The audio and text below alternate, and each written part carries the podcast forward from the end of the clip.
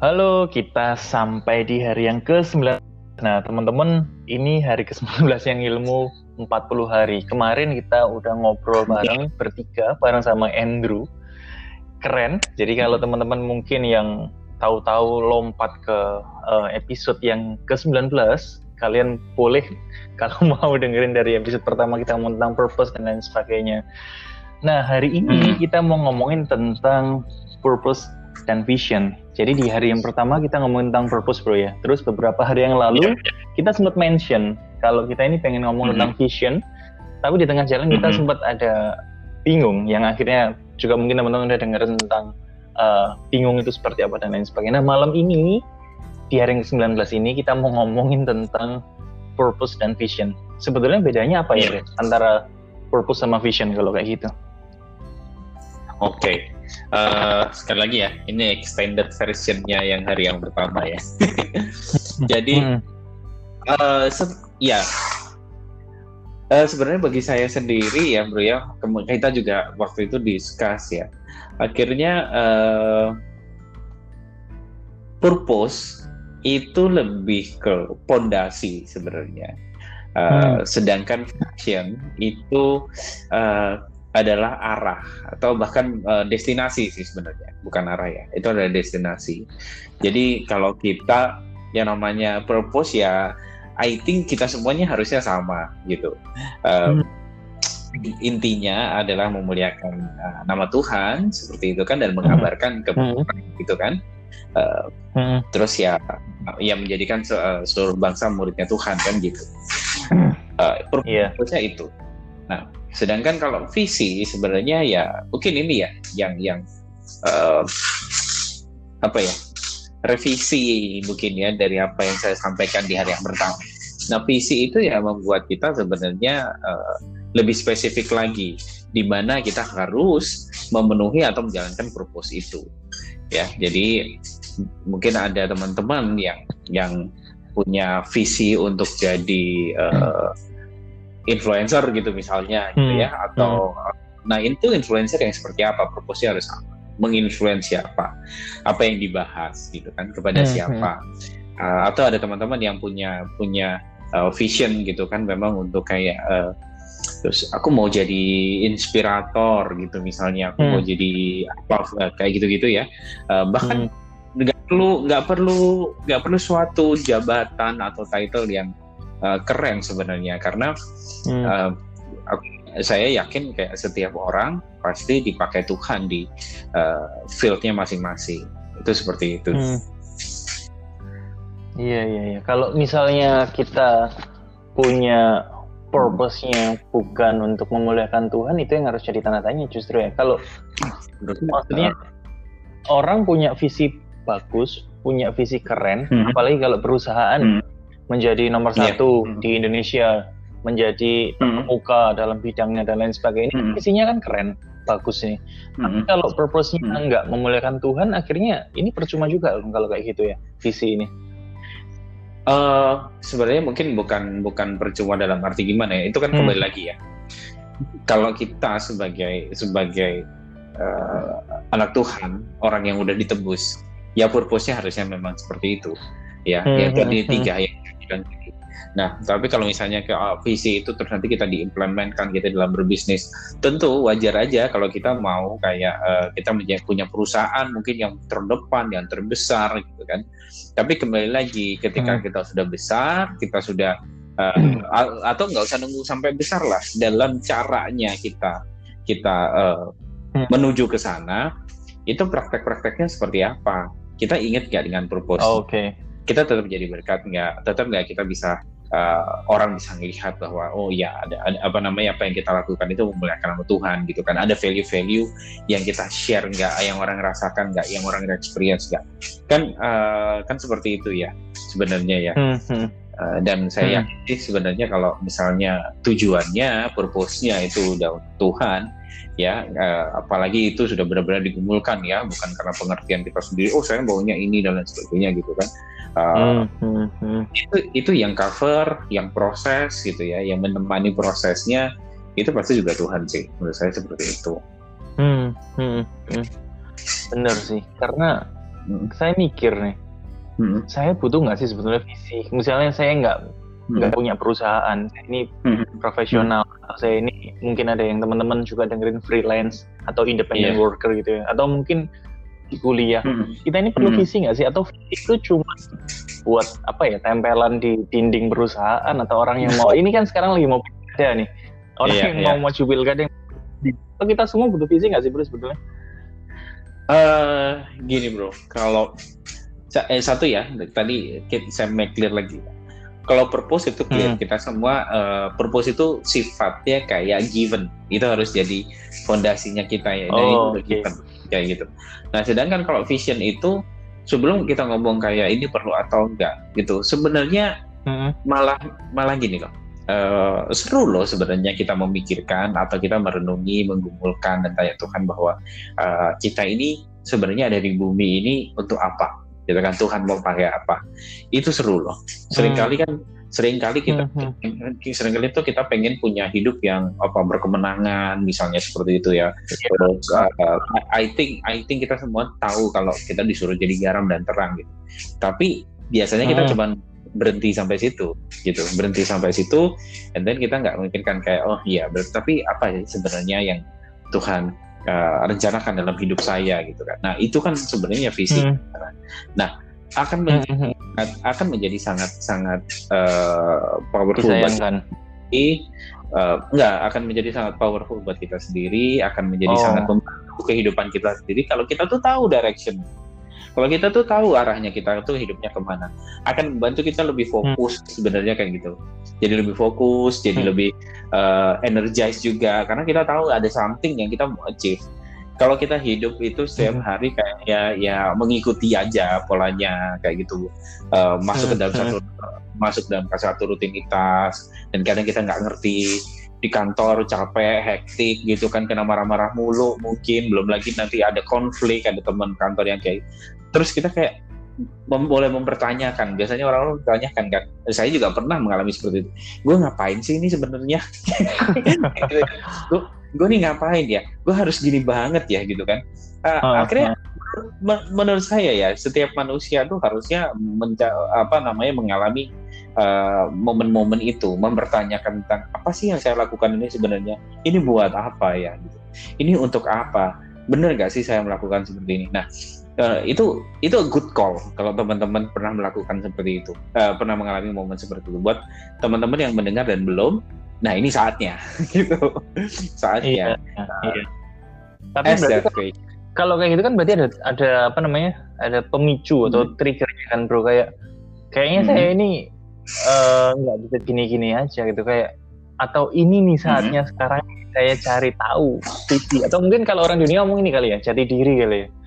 Pencarian jati hmm. diri itu mungkin ya. Ya ya berarti kan ada pemicu atau triknya kalau kayak gitu bro. Yang tadi bro Dit bilang supaya hmm. lebih tahu apa arah dan lain sebagainya itu seru dan yeah. sebagainya. itu kan pemicunya pemicunya apa kalau kayak gitu berarti uh, pemicunya sebenarnya ya momen dalam kehidupan kita ya saya nggak bisa ngomong uh, specifically apa gitu karena setiap orang pasti ada beda pasti beda-beda mm-hmm. uh, tapi pasti itu menyangkut kesadaran ada okay. ada ada sebuah kesadaran bahwa ya kita ini uh, seorang manusia yang ada di sini dengan berbagai macam perannya. Yang peran kan ada yang given sebagai anak sebagai pacar mungkin suami hmm. istri dan lain sebagainya. Yang given gitu. Terus apa yang kita kerjakan? Nah, terus uh, ya itu ada suatu kesadaran kenapa saya ada di titik ini? Kenapa saya mengalami satu dua tiga empat? Kenapa saya uh, apa namanya belajar satu dua tiga empat gitu kan? Uh, itu biasanya mulai mulai ada kalau ketika ada kesadaran itu akan bertanya. Tadi Bro Albert bilang kayak uh, berarti visi itu jati diri gitu mungkin sebenarnya hmm. malah gini ketika kita mengenal jati diri kita gitu satu gini ada jati diri yang udah udah nggak bisa terbantahkan itu apa ya kita adalah uh, apa namanya ya kita anak anak Tuhan hmm. representasinya kerajaan ya di sini itu kan itu jatuh diri hmm. pertama ada sadari sadari itu dulu dan klaim itu gitu kan maksudnya hmm. uh, ya siap dengan itu and then nah itu tadi baru mengerti kan baru mencoba memahami kan uh, saya ini om sebenarnya orangnya kayak apa sih hmm. personalitinya seperti apa apa yang membuat saya bisa bekerja dengan baik okay. apa yang saya bisa uh, apa yang bisa membuat saya optimal dalam kehidupan, dalam relasi, dalam bisnis, dalam pekerjaan, dalam studi dan lain sebagainya. Uh, mengenali cara-cara itu. Nah, itu nanti akan membawa sih sebenarnya triggernya itu untuk ke untuk kita bisa tahu uh, oh sebenarnya visi kita ini apa. Karena kita percaya ya nggak ada yang kebetulan sebenarnya dan Tuhan itu udah rencanakan juga kehidupan kita itu sedemikian rupa ya. Uh, ada proses-proses yang kita lalui itu adalah bekal kita sebenarnya untuk mencapai visi hmm. yang yang sekali lagi ya yang Tuhan mau berikan kita kayak gitu.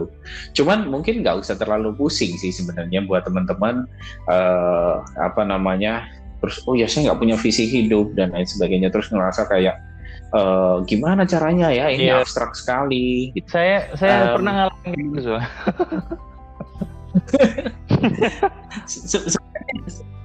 sebenarnya mungkin nggak nggak terlalu uh, jangan dijadikan beban gitu ya beban dalam arti terus uh, teman-teman kayak jadi stres gitu ya jadi bingung kayak kehilangan makna karena nggak ngerti visinya apa kayak gitu hmm.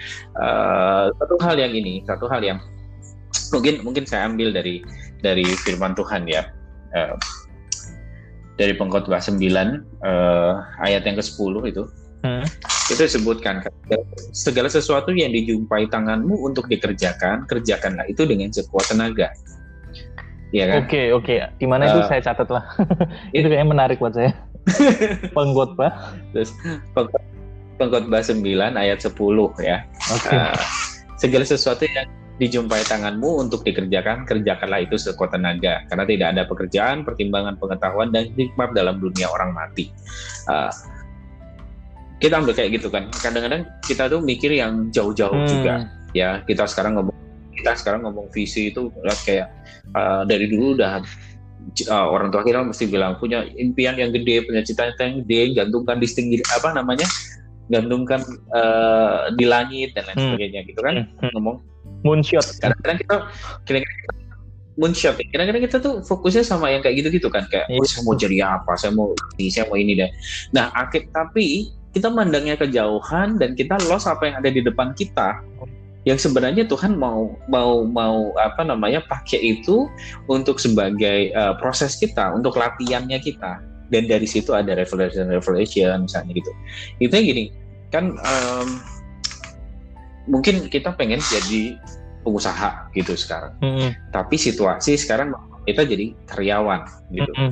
nah uh, apa namanya kita selalu mungkin teman-teman ada yang saya dulu kayak gitu tuh membayangkan kayak wah uh, gue pengen punya bisnis ini, pengen bikin ini dan lain sebagainya. Oh seneng banget kalau misalnya udah kayak gitu ya cari iya, referensi, yeah. uh, uh. coba ngitung-ngitung lah, bikin bisnis plan lah, kayak gitu-gitu. Seneng banget seperti itu. Tapi uh, di lain di lain uh, sisi itu saya ada pekerjaan-pekerjaan yang sekarang nih, ada pekerjaan-pekerjaan dilakukan waktu itu kan. Uh. Terus itu tidak itu akhirnya karena saya kayak ah gue baru pikir bahwa ah, aku tidak dibuat untuk ini aku dibuat untuk menjadi pengusaha dan lain sebagainya itu malah saya nomor dua kan gitu. hmm. saya malah lebih suka lebih suka uh, apa namanya melarikan diri ke itu tadi yang impian-impian saya visi-visi saya kan okay. nah akhirnya pasti kan pasti apa yang ada di tangan kita jadinya nggak optimal yeah. nah padahal itu itu kebalik gitu teman mungkin mungkin kita ada yang mikir seperti itu ya. Kayak saya seharusnya memang tidak di sini saya harusnya di mana. Hmm. terus kita pusing gitu ngejar yang itu. Padahal ternyata ketika kita misalnya ngerjakan apa yang ada di tangan kita ini dengan sebaik-baiknya itu buka banyak hal buka banyak pintu juga. Ya Tuhan juga bilang kan setiap ada pekerja, uh, perkara kecil maka akan di kamu akan dikasih perkara yang lebih besar. Nah, gimana kalau misalnya di apa yang ada di depan kita, apa yang ada di tangan kita ini, hmm. uh, nggak kerjakan dengan baik, bagaimana kita bisa bisa diperlengkapi dan diberikan kesempatan untuk visi ya. yang mudah setuju, setuju, kita setuju, itu. setuju, setuju banget. Kalau okay. kalau gitu berarti apa yang ada di depan mata dikerjain, jangan pilih-pilih hmm. gitu kayaknya. Hmm. Oke, okay. kayak gitu sih. Jadi kayak kayak waktu itu Bro Abed kan cerita tuh kayak Yusuf hmm. gitu kan. Terus Yusuf di apa namanya uh, mimpinya itu kan uh, saudara-saudaranya nunduk ya nunduk semua kan dia gitu kan. Tetapi waktu waktu pas dia pas dia jadi budak dia jadi budak yang benar. Hmm. ya kan? Apa namanya yang excellent yang dia kerjakan apa yang ada di depannya itu. Tanpa dia kehilangan visinya itu loh gitu kan. Uh, terus apa namanya waktu pas dia di penjara even sebagai narapidana aja dia sangat baik sampai dia mengelola penjaranya itu gitu. aneh banget kan ya kan uh. nah dan apalagi dan akhirnya dia memang dipercaya di, di, dipercaya kan untuk kelola uh, satu bangsa satu negara juga nah dan di situ yang Tuhan sudah kasihkan itu akhirnya apa namanya uh, tergenapi. Apa jadinya kalau misalnya dia waktu pas dicari dijadikan budak dia nggak mau, nggak saya nggak kok saya udah firm visi yang dikasih Tuhan ke saya tuh saya akan jadi orang besar, saya akan menyelamatkan bangsa saya gitu kan. Saya ini bukan budak. Gimana tuh misalnya dia punya kalau dia punya mentality seperti itu? Mungkin yeah. Tuhan mungkin Tuhan pakai pakai pakai cara antara pakai cara lain atau pakai orang lain. Iya, iya. iya. kayak gitu. Saya dapat satu satu impresi tuh kayak gini dari yang pernah cerita tentang Yusuf dan uh, mengerjakan perkara hmm. kecil tuh mungkin kayak gini. Kalau kita kalau kita nih merasa terlalu besar untuk hal-hal yang kecil, hmm. bisa jadi bisa jadi juga kita hmm. ini terlalu kecil bukan nih besar yang kayak gitu. iya benar benar benar benar. Terus, nah ini ini ini yang yang saya suka nih kesimpulan kesimpulannya Bro Abed nih. Uh, kita ulang ya.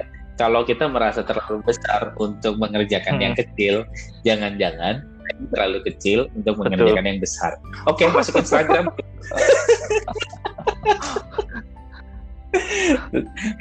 Benar sih gitu. Cuman kan soalnya kadang-kadang kita gitu uh, apa namanya yang prestasi-prestasi yang harusnya kita bisa kejar di yang pendek-pendek yang di depan mata kita ini kita malah nggak kejar kita pengennya prestasi yang mentereng-mentereng padahal untuk sampai ke sana sebenarnya ini juga hukum dunia kita mau jadi pemain bola juga pasti dari klub hmm, kecil hmm, hmm, gitu betul. kan dari dari dari dari liga-liga junior sampai akhirnya kita di recognize untuk jadi uh, bintang gitu kan. hmm. kan Uh, kadang ada kalau misalnya di dunia kerja itu saya sering ketemunya kayak gini bro. Uh, misalnya ada beberapa orang supervisor gitu ya di di tim gitu. Terus uh, akhirnya kita membutuhkan satu seorang manajer hmm. baru. Gitu. Ini ada orang ada orang baru misalnya baru berapa lama terus dia diangkat teman-temannya misalnya nggak nggak uh, apa nggak terima gitu kan. Oh kenapa kok dia baru baru kok udah diangkat? Saya ini udah lama gini gini gini gini dan lain sebagainya. Kayak gitu. Nah padahal kan sebenarnya gini Uh, terus nanti waktu pas ditanyain, terus uh, ya kamu tidak menunjukkan ini, kamu mampu sebagai manajer misalnya gitu ya, yang protes tuh diomongin gitu, terus dibilang kayak, terus loh iya kan saya nggak dikasih kesempatan ya pak, dijawabnya kan gitu kan, saya nggak dikasih kesempatannya, selama ini kan saya jadi ya di di job desk saya, di di role-nya saya dan lain sebagainya. Nah sekarang coba bayangin, terus misalnya Bro Abed itu punya lima orang hmm. manajer gitu ya, terus eh sorry lima orang supervisor, okay. gitu kan. Terus yang yang empat ini melakukan pekerjaannya sebagai supervisor yang baik. Gitu. Hmm.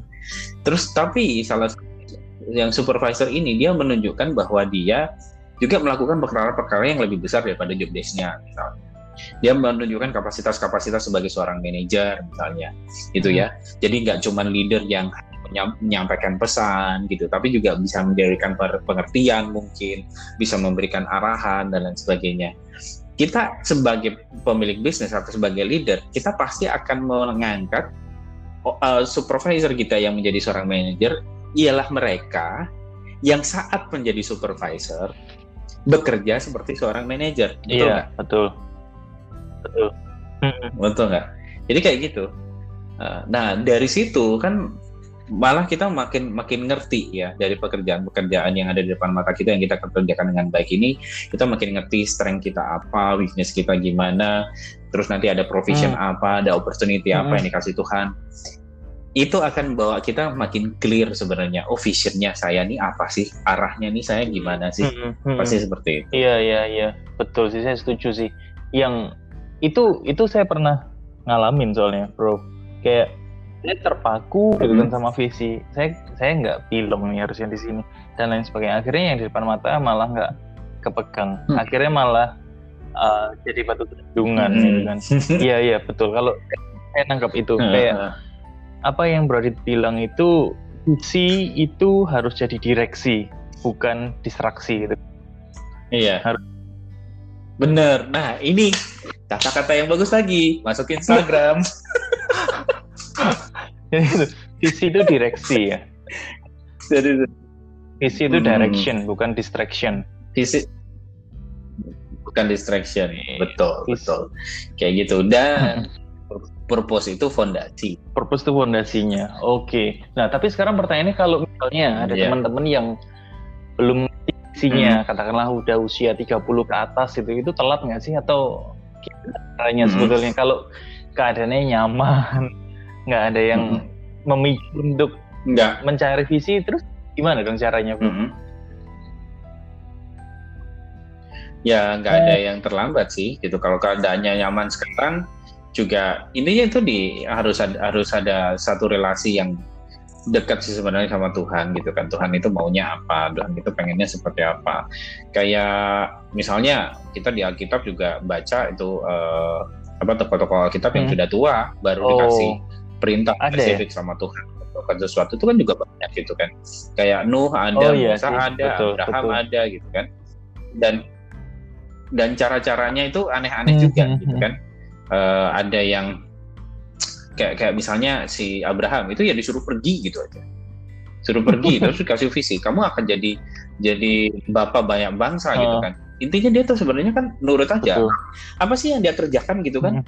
uh, maksud maksud saya gini maaf ya mungkin ek ekstrim ya mungkin dipikir kayak wah saya kan banyak uh, jadi bapak banyak bangsa nanti keturunan saya hmm. banyak nih gitu kan uh, ya udahlah tiap tiap hari saya maaf ya misalnya saya kawin hmm. aja gitu banyakin istri yeah. aja gitu. kan ya enggak dia. Kan kan kayak gitu. Tapi kan misalnya di ya udah disuruh ke mana? Visimu ini nih. Tapi kita misalnya dalam kehidupan oh kita disuruh kerja di sini. Kita suruh coba bisnis ini dan lain sebagainya. Nah ya yang pas itu ya dia melakukan dengan excellent. Itu aja intinya. Gitu kan? Dia sebagai sebagai tuan dan banyak hamba dia sebagai suami dia sebagai pengelola uh, ya itu harta kekayaannya dia ya ada ada ternak atau dan apa ya itu kan dikerjakan aja dengan baik. Bagaimana dia bersosial misalnya gitu kan. Uh, apa namanya di sama raja-raja setempat dan lain sebagainya. Itu kan dia melakukan apa aja yang ter, yang yang terbaik yang dia hmm, bisa hmm, gitu. hmm. uh, nggak nggak nggak nggak nggak yang modelnya nggak yang modelnya tuh kayak uh, kalau Musa itu kan kayaknya lebih sebenarnya lebih direktif kecil-kecil ya gitu kan ini sekarang kamu ke sana ngomong apa? Ya udah balik lagi ke sana ngomong apa? Gitu ya. Kalau bisa kan kayak gitu. Nih kumpulin orang-orang kayak gitu gitu kan. Yang ini jadi yang ini bakal ngerjain apa yang ini bakal ngerjain apa. Ini kamu caranya bikin apa? Caranya bikin uh, kemahnya Tuhan itu kayak gini tabut perjanjian kayak gini. Itu kan beda-beda memang kan. Jadi setiap orang ya tergantung pastinya. Itu yang yang yang makanya kita perlu cari tahu. Uh, cari tahunya ya dengan menjalin hubungan pribadi yang baik dengan Tuhan. Iya iya. tahu. betul sih. Itu karena apa ya visi itu pribadi banget ya antara Tuhan sama kita. Yaitu yang tadi bilang Musa Abraham di usia segitu. Karena ini saya ngomong real case ya papa saya. Papa saya tahun depan pensiun gitu kan karena hmm. uh, beliau mengabdi ke hmm. negara kan tahun depan pensiun pernah satu hmm. waktu saya tanya sama bapak saya pak hmm. sebetulnya pengen nggak sih yang profesi hmm. sekarang ini dilakukan yang kalau misalnya waktu itu disuruh milih gitu kan hmm. pengennya profesi apa ternyata hmm. beliau ngomong seharusnya sih pengen yang lain yang ini gitu nah, terus kan saya tanya lu terus kenapa kok kalau gitu eh.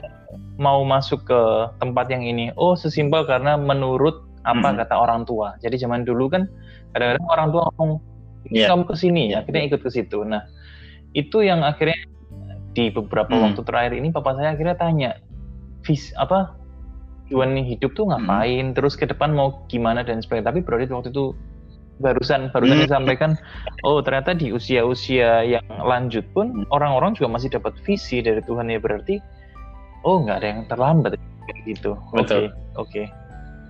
Hmm. Mesti nggak, malah ada yang hmm. terlambat sih. Nah, ini ya, ini juga mungkin tadi dari dengar ceritanya Bro Albert, saya kayak diingatkan gini untuk menyampaikan kayak uh, visi itu bukan nggak selalu masalah apa yang kita hmm. pengen, hmm. gitu ya. Uh, kadang kan dan kadang-kadang itu mix up sama yang namanya passion hmm. gitu uh, nanti mungkin kapan-kapan kita ngobrolin tentang passion lebih dalam ya uh, terus kalau misalnya itu yang yang yang mungkin memberitahu atau mengarahkan itu entah orang tua atau mentor kita dan lain sebagainya itu juga belum tentu salah. Itu juga belum tentu salah. Cuman itu bisa jadi alat Tuhan untuk kasih tahu hmm. kita cuman uh, tanggung untuk tanggung jawab untuk mengujinya itu tetap jadi tanggung jawabnya kita bukan tanggung jawabnya okay, mereka. okay. gitu. Ya jadi kita dia nggak bisa nih nyalahin kayak oh apa namanya gara-gara aku ini apa mengikuti kata orang tuaku dulu atau enggak ini nggak bisa kayak gitu.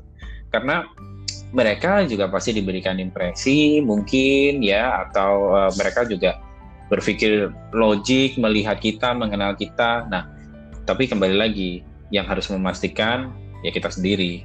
Kayak hmm. gitu sih bro.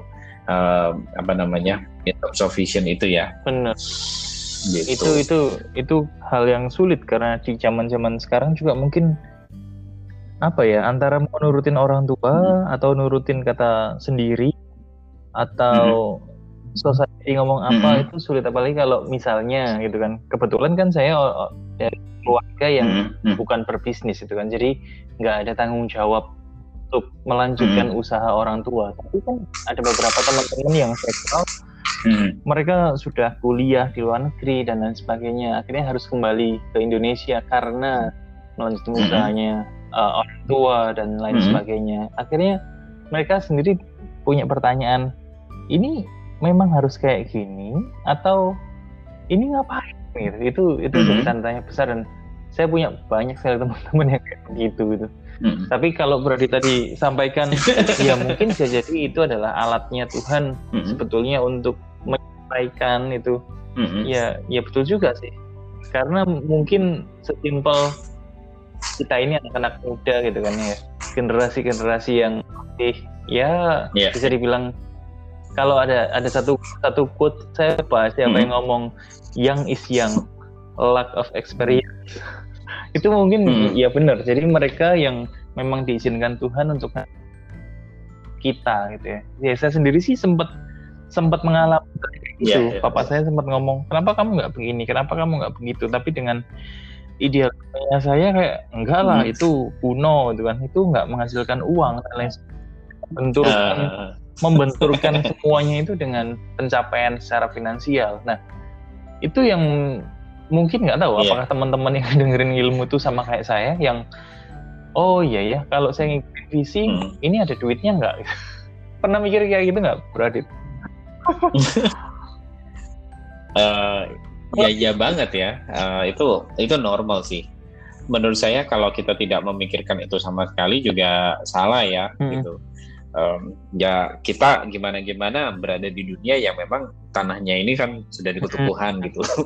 Ya wih mungkin kalau dengarnya serem ya tapi um, artinya kan Tuhan bilang uh, kita harus mengerjakan hmm. tanah kayak gitu uh, ya untuk supaya kita tuh bisa hidup cuman sebenarnya gini sih uh, pasti ya kita bekerja itu uh, bukan hidup untuk bekerja ya, tapi bekerja tuh untuk hidup. Nah, hidup itu kalau saya bilang bukan cuman uh, kita memaknainya ya ya hidup di dunia ini maksudnya makan biar nggak bekerja cari makan hmm. biar nggak mati nggak juga sih tapi kita juga uh, sebenarnya kan hidup as a the whole human lagi hmm. gitu uh, kalau kita ingat dulu uh, Adam dan Hawa itu kan ya Tuhan cuma kasih suruh uh, suruh apa namanya Eh, nama-nama uh, ini semuanya dan lain sebagainya kan terus apa yang yang ada di yeah, sini kamu yeah. boleh makan buah-buah itu loh tapi tapi tapi nggak boleh yang dua itu cuma itu hmm. aja kan uh, terus